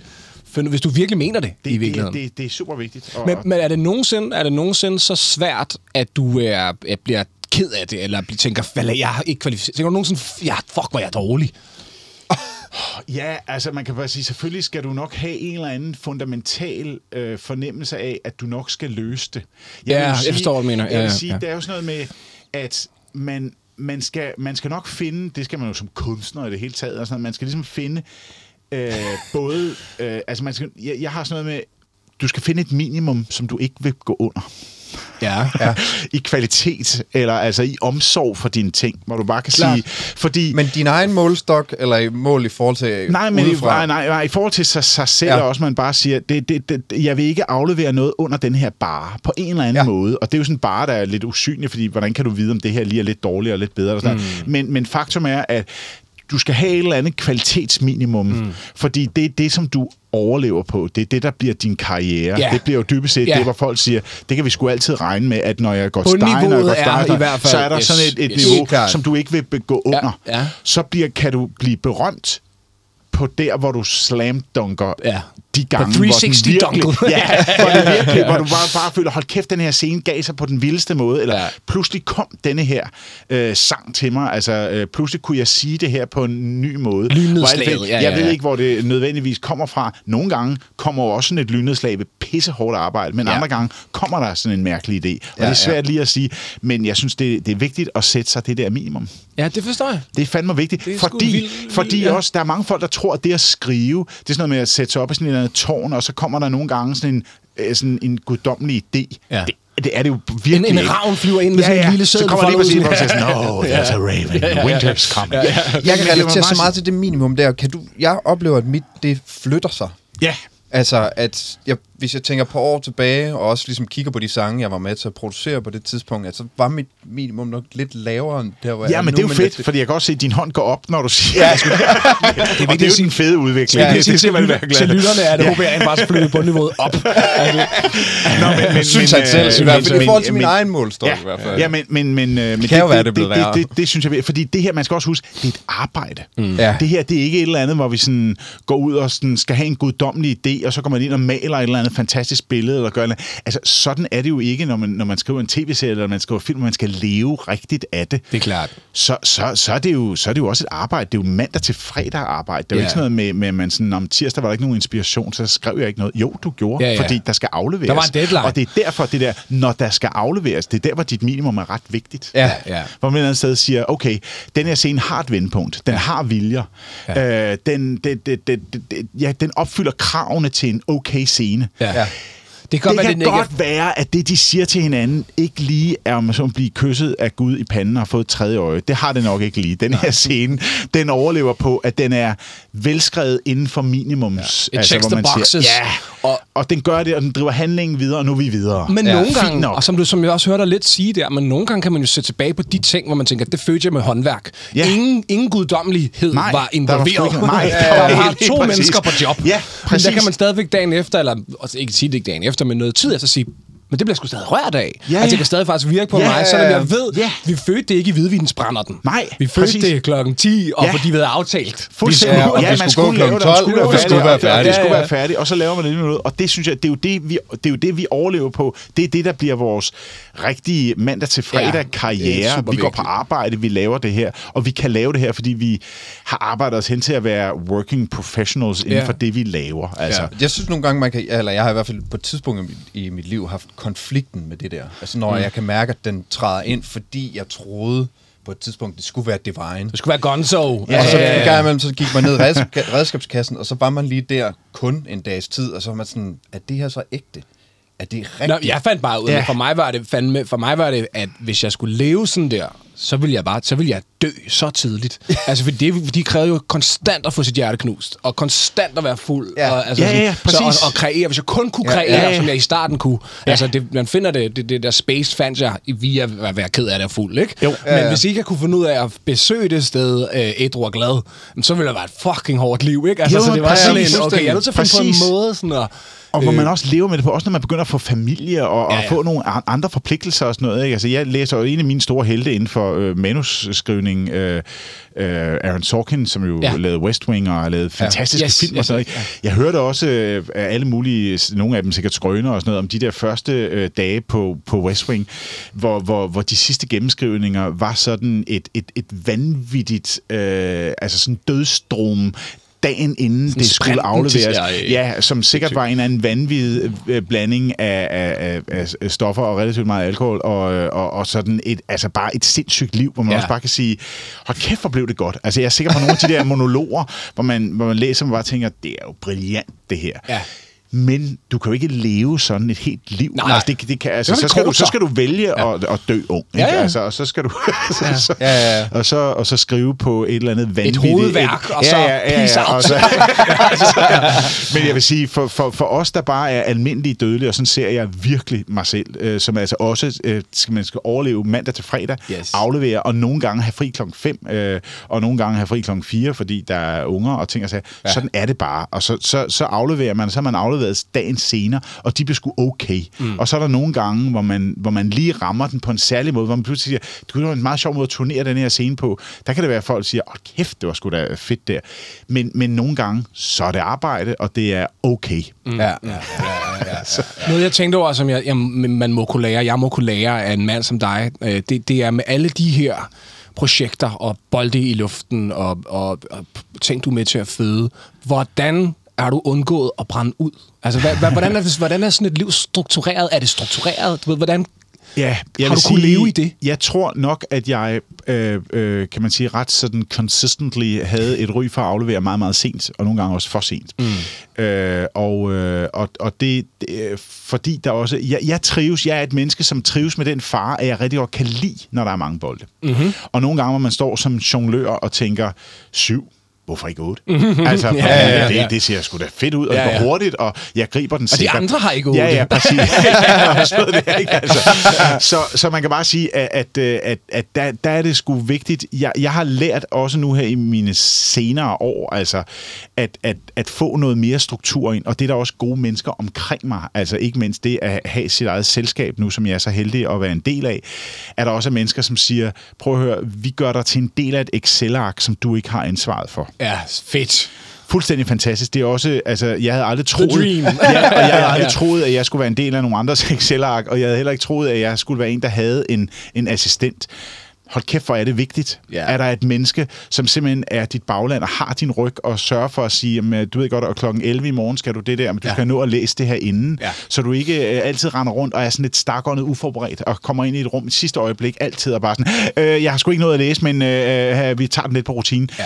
Altså, det er også en anden med at blive måske øh, ældre en lille smule voksen, og måske også være en del af en virksomhed, som, som altså også skal have sådan et eller andet turnaround, som ikke kun kan overleve på sådan nogle vanvittige dødstrom weekenden inden det skal Ja. ja. afleveres. Man bare siger, nu skal det også bare være et arbejde, og for øjeblikket er vores selskab jo også arbejdsplads for 50-60 øh, mennesker, altså, som kommer hver en til dag. Ikke? Altså, og det vil sige, Som også der- er lidt afhængig af, at der er... som også er afhængig af, at der er en, en steady flow of ideas mm. øh, forskellige steder, og blandt Ja. ja. andet fra mig, øh, heldigvis ikke kun mig, men altså i den grad Søren og alle mulige andre skønne øh, kreative. Men, men, men derfor skal jeg så få struktur ind på det. Og så vil jeg sige, så har jeg jo været sindssygt heldig at få lov til at lave ting, som jeg elsker. Og det er et kæmpe... Derfor, jeg kan jo ikke, jeg kan jo slet ikke sammenligne, når jeg møder mine gamle venner fra gymnasiet og sådan noget, som øh, har, har arbejdet, har fået store uddannelser, og har fået et arbejde, som de nogle gange elskede, men som nogle gange vel også bare var et arbejde, Ja, man går på. ja. Og der må man sige, selvom jeg lige har siddet og talt for, at man også skal sørge for, at det kreative bare er et arbejde, så er det jo ikke bare et arbejde på helt samme måde. Jeg må Nej. Indrømme, at jeg en gang imellem stadig kniber mig i armen og siger, hold kæft, man tænker, folk gider ikke betale mig penge Ja. for noget, jeg vil lave min fritid. Ja, ja, ja, ja. Altså, fordi hvor er det vildt. Jeg får lov Ja, til at ja. fortælle historier. Jeg får lov til at sidde og tale med skuespillere og, og instruktører og, og super kreative mennesker, som, som øh, kaster sig over det her, som, som i det her tilfælde, jeg har lavet. Ja, jamen, altså, hvor er det vildt. Ja. Og så det der med, at vi startede med at lave det der øh, øh, gode gamle madprogram, som vi nu lige har afsluttet sæson 14 af, fandme. Det er jo helt grotesk. Altså, Hold altså, men men det, det startede jo også bare med, at, øh, at vi, vi tænkte, vi elsker mad. Vi har øh, ar- arbejdet med mad hele vores liv, sådan semi-professionelt. Jeg har været madanmelder, min bror har skrevet opskriftsartikler til politikken. Ej, vi, vi, vi, vi har altid elsket mad-tv som sådan en underlig nørdet sideting, mm, mm. som man sad sådan og dyrkede en gang imellem.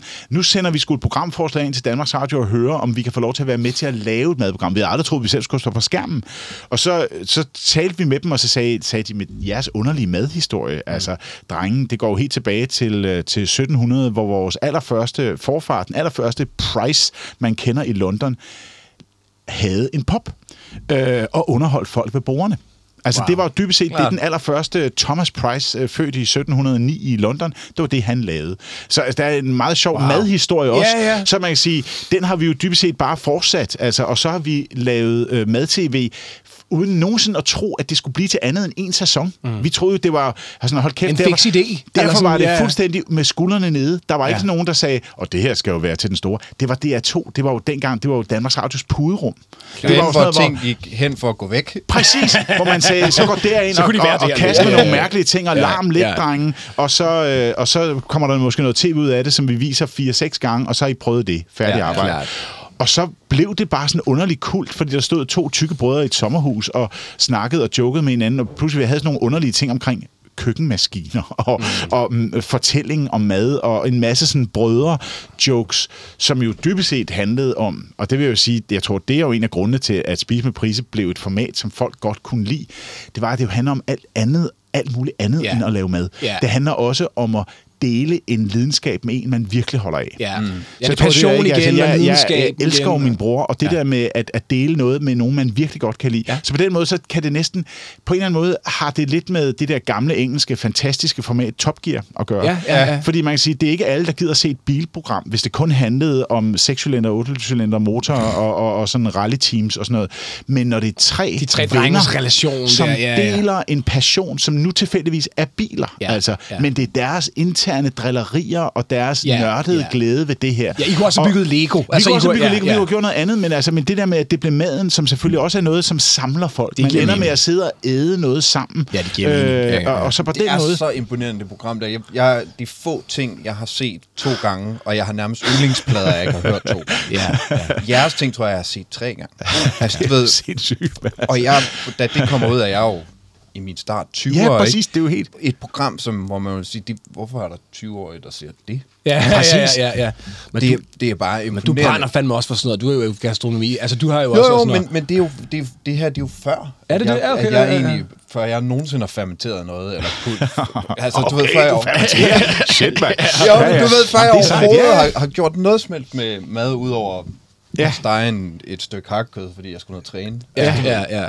Så, så, øh, så var det der program noget, som jeg gad at se. Altså, det er fandme fordi det altså. var hyggeligt. Ja, og, men det- det- og det tog mig med ind, og det var Ja. ja. venskabeligt. Og sådan, altså, det ville bare så meget mere end bare at lave mad. Ja. Og man kan sige, men, det er jo, men som, som jeg sagde, at det blev til ved et tilfælde, og pludselig var der noget, folk kunne lide, og så rykkede de det til hovedkanalen, og så eksploderede det på noget, vi aldrig havde regnet med. Fordi det var jo virkelig født med skuldrene nede, ingen forventninger. Ja. Ingen havde regnet med, at det nogensinde skulle blive til noget. Måske lidt på samme måde med, med i sin tid faktisk Borgen, hvor vi jo også fik at vide, selvom Danmarks Radio på det tidspunkt har lavet nogle især krimisucceser, som er blevet solgt til andre lande. Men Mm. da, da jeg så kom gående med og sagde, jeg vil godt lave en serie om dansk koalitionspolitik, så, så sagde de ligesom, Du sagde det okay, sådan der i pitchen, ja, ja, ja. Så sagde de jo også, okay, det, var skal, nok, viljen. den skal nok ikke regne med, altså det er fedt at fortælle en politisk historie, men regn ikke med, at andre end Sverige og Norge vil se den ud af sådan lidt uh, broderkærlighed og medlidenhed og sådan noget, altså så er det fint nok, altså. Men det, og, men det var også derfor, man kan sige, der var ikke det helt store forventningspres. Der var Nej. ikke nogen, der sagde, åh, nu kommer der en Nordic Noir thriller fra Danmark igen, Nej. som skal finde et internationalt publikum på 50 millioner. Slet ikke. Men det er ret altså. spændende, det der, og uden at det skal ind i sådan noget The Secret-agtigt, øh, øh, så, så, så er der noget med de ting, som man ikke insisterer på. Ja. Altså, der er også, at man ikke sådan gør til øh, mm. øh, ilt for sig selv. Altså, for der er noget med at... Vi kender det nærmest også fra dating. Altså, jo, jo mere sådan man... Ja, ja, Jo ja, ja. mindre attraktivt, jo mindre sådan... Det, ja, Ja. Jeg ved ikke, om det er... Jeg, jeg, jeg tvivler, om det er noget med øh, universet, eller om det bare er måden, man mennesker interagerer med hinanden. Men der er noget med... Man skal ville det nok. Altså, det må ikke være... Selvfølgelig. Færre, eller Det skal må ikke være sådan- ligegyldigt, Nej, det må ikke men- ligegyldigt. nej. Men det må heller ikke være... Altså, Men det gjorde i hvert fald, kan man kan sige, fald både med, godt. både med Spise med Prise og øh, et, øh, det andet tilfælde med Borgen, at vi sådan set gik efter at lave det bedst tænkelige program, vi kunne lave inden for den lille underlige præmis, der var vores egen. Ja, der var ikke en yes. andens, nogen andres præmis, vi prøvede Nej, nej. at opfylde. Og på DR2 var det jo ligesom, as weird as it gets, altså næsten jo bedre var det ikke. Ja, altså, ja. Dengang var det virkelig sådan. Det er jo derfor, der også blev født sådan nogle sjove formater. Ikke? Altså, vi er jo næsten på samme alder som bunderøven. Ikke? Altså, Ja, klart. man også tænke, hvis man dengang havde sagt, jamen prøv at høre, vi laver øh, et 28-minutters format, hvor en mand reparerer en rive. Ikke? Altså, så, altså, altså, og, og, og, Og så er det, over og så er det to det brødre, fedeste- der laver kylling. Og så er det det fedeste tv i verden. Så er det det fedeste tv i verden. Ja, ja, altså, ja, ja. Fordi Frank bare er verdens bedste fortæller, og Ja. er sindssygt sympatisk. Ikke? Altså, Ja, ja, ja. Så de der mærkelige formater, de, de, de ville jo nok ikke nødvendigvis være opstået på en hovedkanal, som havde en eller anden seerforpligtelse med at levere mellem 750 og 1,2 millioner i flow Se, hver eneste gang. ja. Så havde man også sagt, tør vi satse på det med riven? Ja, ja, ja, ja. Men Det er altså, ikke så klip til, så pludselig har seks restauranter også. Ja. Ja, men Hvordan det er- opstår det, sådan noget som men det? det? Men det var en gammel familiedrøm. Vores forældre drømte om at lave en restaurant. Det gjorde de, øh, og, og de, øh, de købte navnet. De havde en drømmerestaurant nede i Paris, som de ønskede at, øh, og, og nærmest sådan emulere øh, i, i Danmark. Øh, var en, en, en restaurant, som øh, jeg tror ligger den dag i dag nede på Boulevard Saint-Germain, som hed La Rumerie, øh, som var en, en restaurant, som var et brasserie og serverede cool romdrinks. Det var sådan, øh, vi taler sidst i 60'erne, sådan lidt Nouvelle Vague-film og sådan kunstnermiljø i Paris, og man røg chitan og var sådan lidt... Ah. Og så sad man og drak, fedt. så sad man, så drak, sad man og drak rom dernede ikke på, på, på. Boulevard, Nej, jeg ved det godt. Boulevard Saint-Germain. Alle klubber, jeg- som jeg må komme ind i, lyder jo ikke fede. Det er jo, det dem, der ikke vil have mig. Der. men men det, det, var, det var sådan en restaurant, de kunne tænke sig at lave, og de købte navnet, og de var meget, meget tæt på. Så havde de heldigvis venner, som var restauratører. En af dem var en af de største restauratører i øh, København og, og Danmark, omegn, øh, øh, København og omegn på det tidspunkt, som sagde, det skal I lade være med.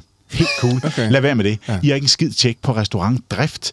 Du laver go- god mad, øh, og du kan være skide charmerende og gå og skænke på bordene, men prøv at høre, I har ikke styr på restaurant. Restaurant er pisse svært. Det er jo et håndværk. Ja. En altså, til en, det min kone siger, når jeg snakker om den der Ja. food truck, jeg gerne vil have. Nå ja, nå, man, man skal bare, ja. ellers skal man sige, prøv at høre, jeg, jeg, jeg satser den her halv million, og, så har jeg, og, og, og det er det samme som, altså, man så må sige, at, at, at køre et eller andet med bitcoin-eventyr, ja. eller hvad Ja. det måtte være, man bare siger, det, det kan være, det går helt af helvede Ja, til. Ja. ja, ja. Men, men det her, som indebærer andre arbejdspladser og ting, altså, altså heldigvis havde jeg en, en god øh, nær ven i Mads Bøtger, som ejer Dragsom Slot, som øh, er, og på det tidspunkt også var, en, en dygtig restauratør, som en dygtig mm. håndværker inden for det her fag, en vanvittig dygtig forretningsmand. Mm. Og han sagde, prøv at høre, Øh, der er rigtig mange mennesker, som, som begynder at henvende sig til os på det tidspunkt, øh, efter nogle sæsoner af spisepriser, som sagde, "Jamen, kan vi ikke smage jeres mad, og det lyder sgu da skønt, og alt muligt. Og vi sagde sådan, åh, det ville være fedt. Så begyndte vi at snakke sammen, og det var kun fordi, at der står en fuldtidsrestaurant professionel på sidelinjen og ja. siger, det her, det kan jeg godt køre sammen med jer. I tager jer af content, Ja. og jeg tager mig af drift og finansiering. Fordi ellers var det aldrig gået, og jeg ved aldrig ture. Aldrig nogensinde ture. Klart, Selv klart. at gå ned sådan, øh, goddag Jyske Bank, jeg vil Ja. godt øh, låne til en restaurant. Ja. Øhm, er I ikke manuskriptforfattere, komponister kapelmester og dirigenter? Har I ikke nok fjollet? Ja, ja. Jo, jo, men vi vil lave det lidt sådan ved siden af. Okay, fedt nok. Hvor mange sagde du, I gerne vil låne? Altså fuldstændig gakket, gakket projekt. Det er ingen nogensinde. Men med, med en seriøs restauratør og et, og et øh, kan man sige, og et, og et tv-brand, som folk kendte og begyndte at stå, Ja. så kunne man begynde mening, at, at, ja, at, ja. at lave. Og vi laver jo dybest set det, vi kan. Vi laver den mad, vores far lærte os at lave. Ja, altså ja. den mad, vi voksede op med. Ja. Fransk brasserie, italiensk trattoria og lidt dansk mormor i bassen. Det er mm. det, vi laver mm. i vores restauranter. Fedt. Det er det, vi elsker. Og, og vi kan, altså, vi, vi, vi havde sådan et motto engang, der hed fra bankekød til kaviar, for vi laver, vi, vi har jo vores passioner inden for alle mulige ting, men det er det der, som er, ligesom er sådan navlestrengen, der går tilbage til øh, det køkken, vores far lavede, det er det, vi laver. Ja, det er ja, den, ja. vi kan. Og vi er aldrig, vi er ikke, vi er jo ikke fine, det er jo ikke en fancy restaurant. Nej. Det er jo en restaurant, som du helst skal have lyst til at spise øh, fire ud af ugens aftener, altså fordi du Og kan gå ned og fantastisk. få Ja, ja, ja. den bøf, øh, de, øh, øh, de øh, pomfritter, som er kogt øh, to gange i jordnød olie, ikke? så de får den her særlige sprødhed Er og okay, lidt det- er det okay? Jamen, altså, øh. Ja, ja, ja. øh, og når der er sovs, så er der nok sovs. Ikke? Ja, altså, ja, ja. altså, og, og det er sådan noget mad, vi laver. Men det lyder også lidt som om, at hvis hvis der er en fællesnævner på en eller anden måde, så lyder det som om, at du igennem din karriere, om det så har været med øh, ud og hygge lidt med noget gastronomi, eller i dit main erhverv, så har du været god til at omgive dig med mennesker, som ligesom har kunne sparke til dig, Ja. der hvor du har manglet. Ja, altså, 100%. Om det så har været en restauratør, eller om det har været din bror Ja. med musikken, eller om det har Skuespiller, været Svejstrup eller Meta ja, på lige Sam. præcis. Altså, lige præcis. Øh, og, Det kræver også noget selvindsigt at, at, at tænke over, at, altså, at, hvor konkret er den tanke? Er den sådan, jeg ved, jeg har et hul her, jeg skal bruge hjælp, eller er det, hvordan finder man de der mennesker? Jeg tror i hvert fald, jeg med hensyn til manuskriptskrivning og det der med, med film, tv og teater, ret hurtigt kunne se, at det her, selvom det hedder sådan en tv-serie af og sådan noget, man bare sige, vi er 200 mennesker, der har lavet Borgen. Det er enormt vigtigt at holde fast i. 200 ja. enormt kvalificerede professionelle, som har hver deres hjørne af det her. Det er meget, meget vigtigt at holde fast i. Det kan godt være, at jeg har fået den oprindelige idé og skriver manuskripterne, men, men, der er, men forudsætningen for, at det her lykkes, det er sammenbring mm. altså, af, af rigtig mange menneskers arbejde. Altså, og, og jeg tror ret tidligt, jeg kunne se, at, at, at teater, øh, som jeg oplevede fra mine forældres side og sådan noget, det er en kollektiv proces. Mm. Der er ligesom et manuskript, det begynder man at rette i. Mm. Altså, mm. Øh, det gør man rent faktisk, og man tager det der ud, og man gør sådan og sådan og sådan. Så kommer der en scenograf, som, som præsenterer en, en model. Okay, men den ændrer man også lidt på. Mm. Og der er nogle kostymer, og kan farverne være en lille smule anderledes? Kan vi gøre sådan? Der, er- der er en eller anden form for kollektiv proces. Mm. Det er vigtigt, der er en vilje bag, og i tilfælde af Borgen, eller de tv-serier, som, som jeg har været med til, der er det selvfølgelig min vilje, der er bagerst, som, som handler om at have været med til at føde projektet og en grundlæggende idé. Men det er en kollektiv proces, og mine manuskripter, de bliver gennemtæsket af rigtig mange mennesker, Ja. som Ja. sidder og læser dem og har meninger om det. Så det er ikke sådan. Så jeg vil sige, hvis du, hvis du med det samme kan se som kreativ, og du gerne vil skrive, du vil gerne lave et eller andet, som er ord på papir, som på, udkommer over for folk på en eller anden måde, men du samtidig kan mærke med dig selv, at, at den der kritiske proces, Ja, ja. den kan du ikke overleve på. Altså, hvis, hvis du kan mærke det med dig selv, at jeg har det bare så svært med kritik, så skal du ikke, så skal du ikke blive manuskriptforfatter. Så skal du ikke blive dramatiker og skrive til. Så skal du skrive bøger. Ja. Øh, så skal du skrive bøger, og så skal du finde en redaktør, som, du, øh, som holder af dig, som du kan holde af. Og så Som kan, kan du være få lov- pædagogisk i ja, sin- ja, ja, og, så ja, kan ja. du, og så kan du lave dine egne ting på den måde. Ja. Men du skal være parat til at få tæsk og komme helt ud i hjørnerne, og der er nogen, der står og tæller over dig, når du laver dramatik og, og, og tv øh, og, og film. Sådan er det bare. Ja. Film, teater og, og tv er lidt specielt på den måde. Altså, fordi i musik, der kan man godt... Der er det der ene geni. De findes ret tit egentlig, og det er først så snart det skal ud, og pladselskaberne tager Ja. over, at der pludselig er andre involveret, Ja. hvor at det er så stor en proces, Ja. film, tv og mm. teater, at nærmest fra starten af, altså så snart manuskriptet bevæger sig ud af døren, før det overhovedet er noget, nogen kan se, Ja. så er der så utrolig mange mennesker involveret. Men jeg, ved, jeg, kan- jeg, i de projekter, jeg er involveret i, der, der, der er det sådan der, vil jeg ja. sige. Det er teams, og, og, det, og det er ekstreme, altså, og, og det er, der er ingen pædagogik. Og det trives, altså, det har vi ligesom fundet hinanden Ja. ja. i for lang Ja. tid siden, og man kan sige, måske har der været pædagogik en gang, Ja. men, men over tid er det, øh, er det nærmest øh, et uvenligt space, men som, og, det, og det tror jeg, når det ikke er der, jeg kan også altid mærke i rummet, hvis vi er et kreativt rum, hvor der ikke er det der, så Ja, ja, ja. bliver jeg det mere, eller utryg, Ja, ja, eller ja. sådan. Jeg begyndte at sige, okay, fordi det, for mig er det oversættes det til øh, passion, men også detaljefokuserethed, eller sådan nogen, der gør sig umage. Altså mm. det der med, hvis vi ikke gør os umage med at sidde og passe på hinandens følelser, fordi det har der egentlig ikke tid til, Nej. Hvis, Nej. Vi, hvis, vi er, hvis vi er ærlige omkring, hvad vi prøver at udrette. Ja. Så i alle de der, de store teams, jeg, jeg indgår i, der er folk jo, altså i hvert fald i deleprocesserne, nederen, altså lad os Ja. på en eller anden fantastisk Ja, måde. Og vi, men vi ved, at vi tillader det, fordi vi ved det for det fælles. Altså, vi, vi, Ja. du gør det her nu, du er hård ved min, ved min fine, kreative lille fikse idé, fordi du ønsker, at det skal blive bedre. Ja, ja. Og det, det på en eller anden måde det fedeste. Altså. Jamen, og så kan man også, øh, altså, det er klart, at der kan opstå situationer, hvis det er dig, der er den. Ja, altså, yes. Hvor du så til sidst er nødt til at sige, nu har vi hørt alle de her meninger, ja. Og, og der er noget rigtigt i dem alle sammen. Ja. Men jeg er nødt til nu, fordi det er mig, der... øh, Hvis det, hvis det er de der tv-serier, hvor jeg er øh, creator eller sådan noget, så er det jo til sidst, man står og siger, jamen her skal der lægges en kurs. Øh, og til syvende og sidst falder den så tilbage på, så er det sgu dig, der skal lægge den der. Yes. Men, men, øh, men, men det der med at lede sådan en proces kun med de stjerner, du har på skulderen, det, det ender galt. Altså, det er derfor, jeg tænker, man skal åbne op for alle de Ja, holdninger, der er er, fedt. og stole på, at folk er meget ofte klogere end dig, og, og, og som sagt er uenige med dig. Ikke? Og det er, hold kæft, det er, er vigtigt. Og så kan der være de der store øjeblikke og sige, nu drejer vi så til venstre, for det skal det her projekt. Jeg kan ja. Ja. mærke det, og jeg tager ansvaret for det også. Ikke? Så ja, Ja, hvis hele ja. verden står bagefter og peger og siger, hold kæft, det var noget lort. De Sindssygt venstresving der- alligevel. Ja, Sindssygt sådan- venstresving. Det skulle jeg, det skulle jeg ned med mig ikke have lavet. Så ved jeg godt, at så, det, var, det var min hånd på rettet lige Ja, der. Ikke? ja, Altså, ja, ja. Sådan det. Fuck, hvor fedt. Hvad øh, med alt det der, og alt hvad vi har talt om i dag, at du tænkt, du har udrettet og sådan noget. Hvad, er der noget noget ude i horisonten. Hvad drømmer man om så? Uha. What's left? Ja, what's left? Nej, men altså... Efter en det, C12 jeg, jeg, International. Jeg, jeg tror ikke, jeg kunne... Øh, altså, jeg, jeg, jeg tror på et eller andet tidspunkt, tror jeg, jeg er nødt til at forene de to verdener. Øh, øh, maden og dramaet. Det Ja, tror jeg. ja. Det tror jeg, jeg er nødt til. Øh, Wow. Ja. Øh, det, det, kan, det kan jeg mærke. Jeg ved ikke, hvor det ligger ude i fremtiden, men Det er det, sådan noget det, rigtig tror jeg, porn, det sådan tror en, jeg, øh, romantisk- jeg, jeg er nødt til ja, ja. at, at gøre noget ved. Også fordi, at det er sådan en, en, en, en verden, jeg elsker, og en verden, som jeg i øvrigt kun er en del af på siden. Jeg, jeg, jeg er jo ikke professionel kok. Jeg har jo ikke stået og kørt et parti på en restaurant. Nej. Men jeg, men jeg elsker at, at se det. Jeg elsker livet i det professionelle køkken. Ja. Altså, det gør jeg virkelig. Ja. Øh, og jeg elsker jo også det, at det er folk, som nogle gange er de jo fandme øh, nærmest øh, halvkriminelle, uddannede, voldsomme øh, personligheder, som, som ikke nødvendigvis kan udtrykke sig på anden måde end gennem Ja, maden. ja, Øh, og jeg synes, der er noget dybt fascinerende også i det, at den, kan man sige, brugskunst mad på det allerhøjeste niveau kan være. Ja. Det er noget, vi ender med at æde. ja, Ja, ja, ja. Fuck, det er du ret. Altså, kunstværket, kunstværket ja, ja. skal ødelægges, for Ja. at du forstår det. Ja. Det er meget interessant. Ja, ja. Du skal putte det ind i din krop også. Du skal simpelthen proppe det ind i din krop, og det Ja, ender med at ja, forlade ja, dig på ja. en ikke særlig skøn måde. det er ikke det mest romantiske. Ja, og ja. det er, og det er, så, det, det er så det, vi gør med den, den del af kunstværket. Ja, ja, ja. Og det, det, lige det punkt, Ja. ja. synes jeg er så sindssygt interessant, det er jeg nødt til at skrive noget om på et tidspunkt. Klart. Det, det, må, vi, det må vi se, øh, hvor, hvor det er. Ja. Fuck, hvor vildt. altså, jeg, jeg må sige, det har været, øh, det har fuldstændig over, altså levet op og meget mere øh, den her samtale til de forventninger, jeg har haft. Ja, super altså, hyggeligt. og, og, øh, og, øh, hold kæft, hvor er vores lytter også bare heldige. Altså, apropos mesterlærer, altså, det er et gratis program, vil jeg bare lige sige.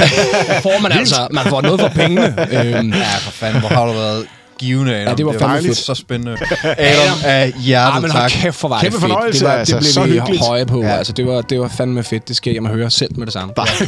Ja. Tusind tak. Fornøjelse. Okay. Ja, det var lidt vildt. Det var en af dem, var. Jamen, jeg ved, jeg sidder og tænker på, om man bare kan høre sådan to fanboys, der bare sidder og sådan... Eller om vi får... Jeg ved ikke, om vi får kamufleret nok, hvor, hvor fucking på røven over ham der vi i virkeligheden er. Fordi hold nu kæft et liv, mand. Jeg havde nogle gange, hvor jeg var lykkelig over, at du kom med et spørgsmål, fordi det gik op for mig, bare lidt havde siddet og Du har siddet bare så kigget på ham? Bare siddet og kigget og lyttet på ham. Ej, det er fandme vildt. Altså, man kan sige, jeg synes, han er på en eller anden måde topmålet for, eller, hvad, hvad, hvad, hvad vi vil med det her program. Det er jo at få lov til at kigge ind i sådan noget der, sådan et maskinrum, sådan en hjerne, sådan en tilværelse. Ud af, Prøv hvordan tænk, hvor mange liv det han har skabt. Hvor mange liv det har rørt. Ja, det er det sad jeg og tænkte på nogle gange, hvor er det sindssygt. Ja, Altså. ja. Det er fandme vildt, altså, og, og igen, ja, det er jo gratis indhold, altså, Præcis. man kan sige, vi kunne også have lavet et eller andet format, hvor vi, hvor vi chargede et månedligt fee, eller ikke gjorde et eller andet andet for den her form for samtale, eller den her form for indhold. Vi prøver, vi synes, der er noget fint i det er gratis, øh, at vi bliver ved med at lave det her på den her måde. Man kan sige, det kræver også noget af vores lyttere, for det kræver netop det der med at abonnere, og lige at anmelde, og, og, og anbefale til en ven.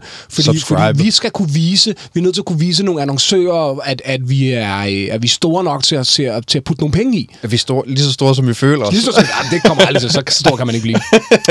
Det, men det er det, jeg mener med, at jeg synes, at, at vi skal lave en alliance eller en lille aftale også af vores lyttere, om at vi bliver ved med at sætte Ja. nogle folk som Adam Pris i stolen, og, og suge tips og tricks og lifehacks ud af ham, hvis I bliver ved med at anbefale os til jeres venner. Og lige nu kan man jo gøre noget sådan ret faktuelt, Konkret, konkret, ja, yes. man kan smutte ind på hellofresh.dk, og så bruge kampagnekoden ildsjæl. Yes. Det er det tilbud, som vi altid snakker om. Det er 30% på de to første måltidskasser, og 10% på de to næste. Ja. Øhm, Pisse godt produkt, vi bruger det selv, præcis. Og du støtter os. og du støtter os, vigtigst af alt. Yes. Så gør det, venner. Gør det. Tak.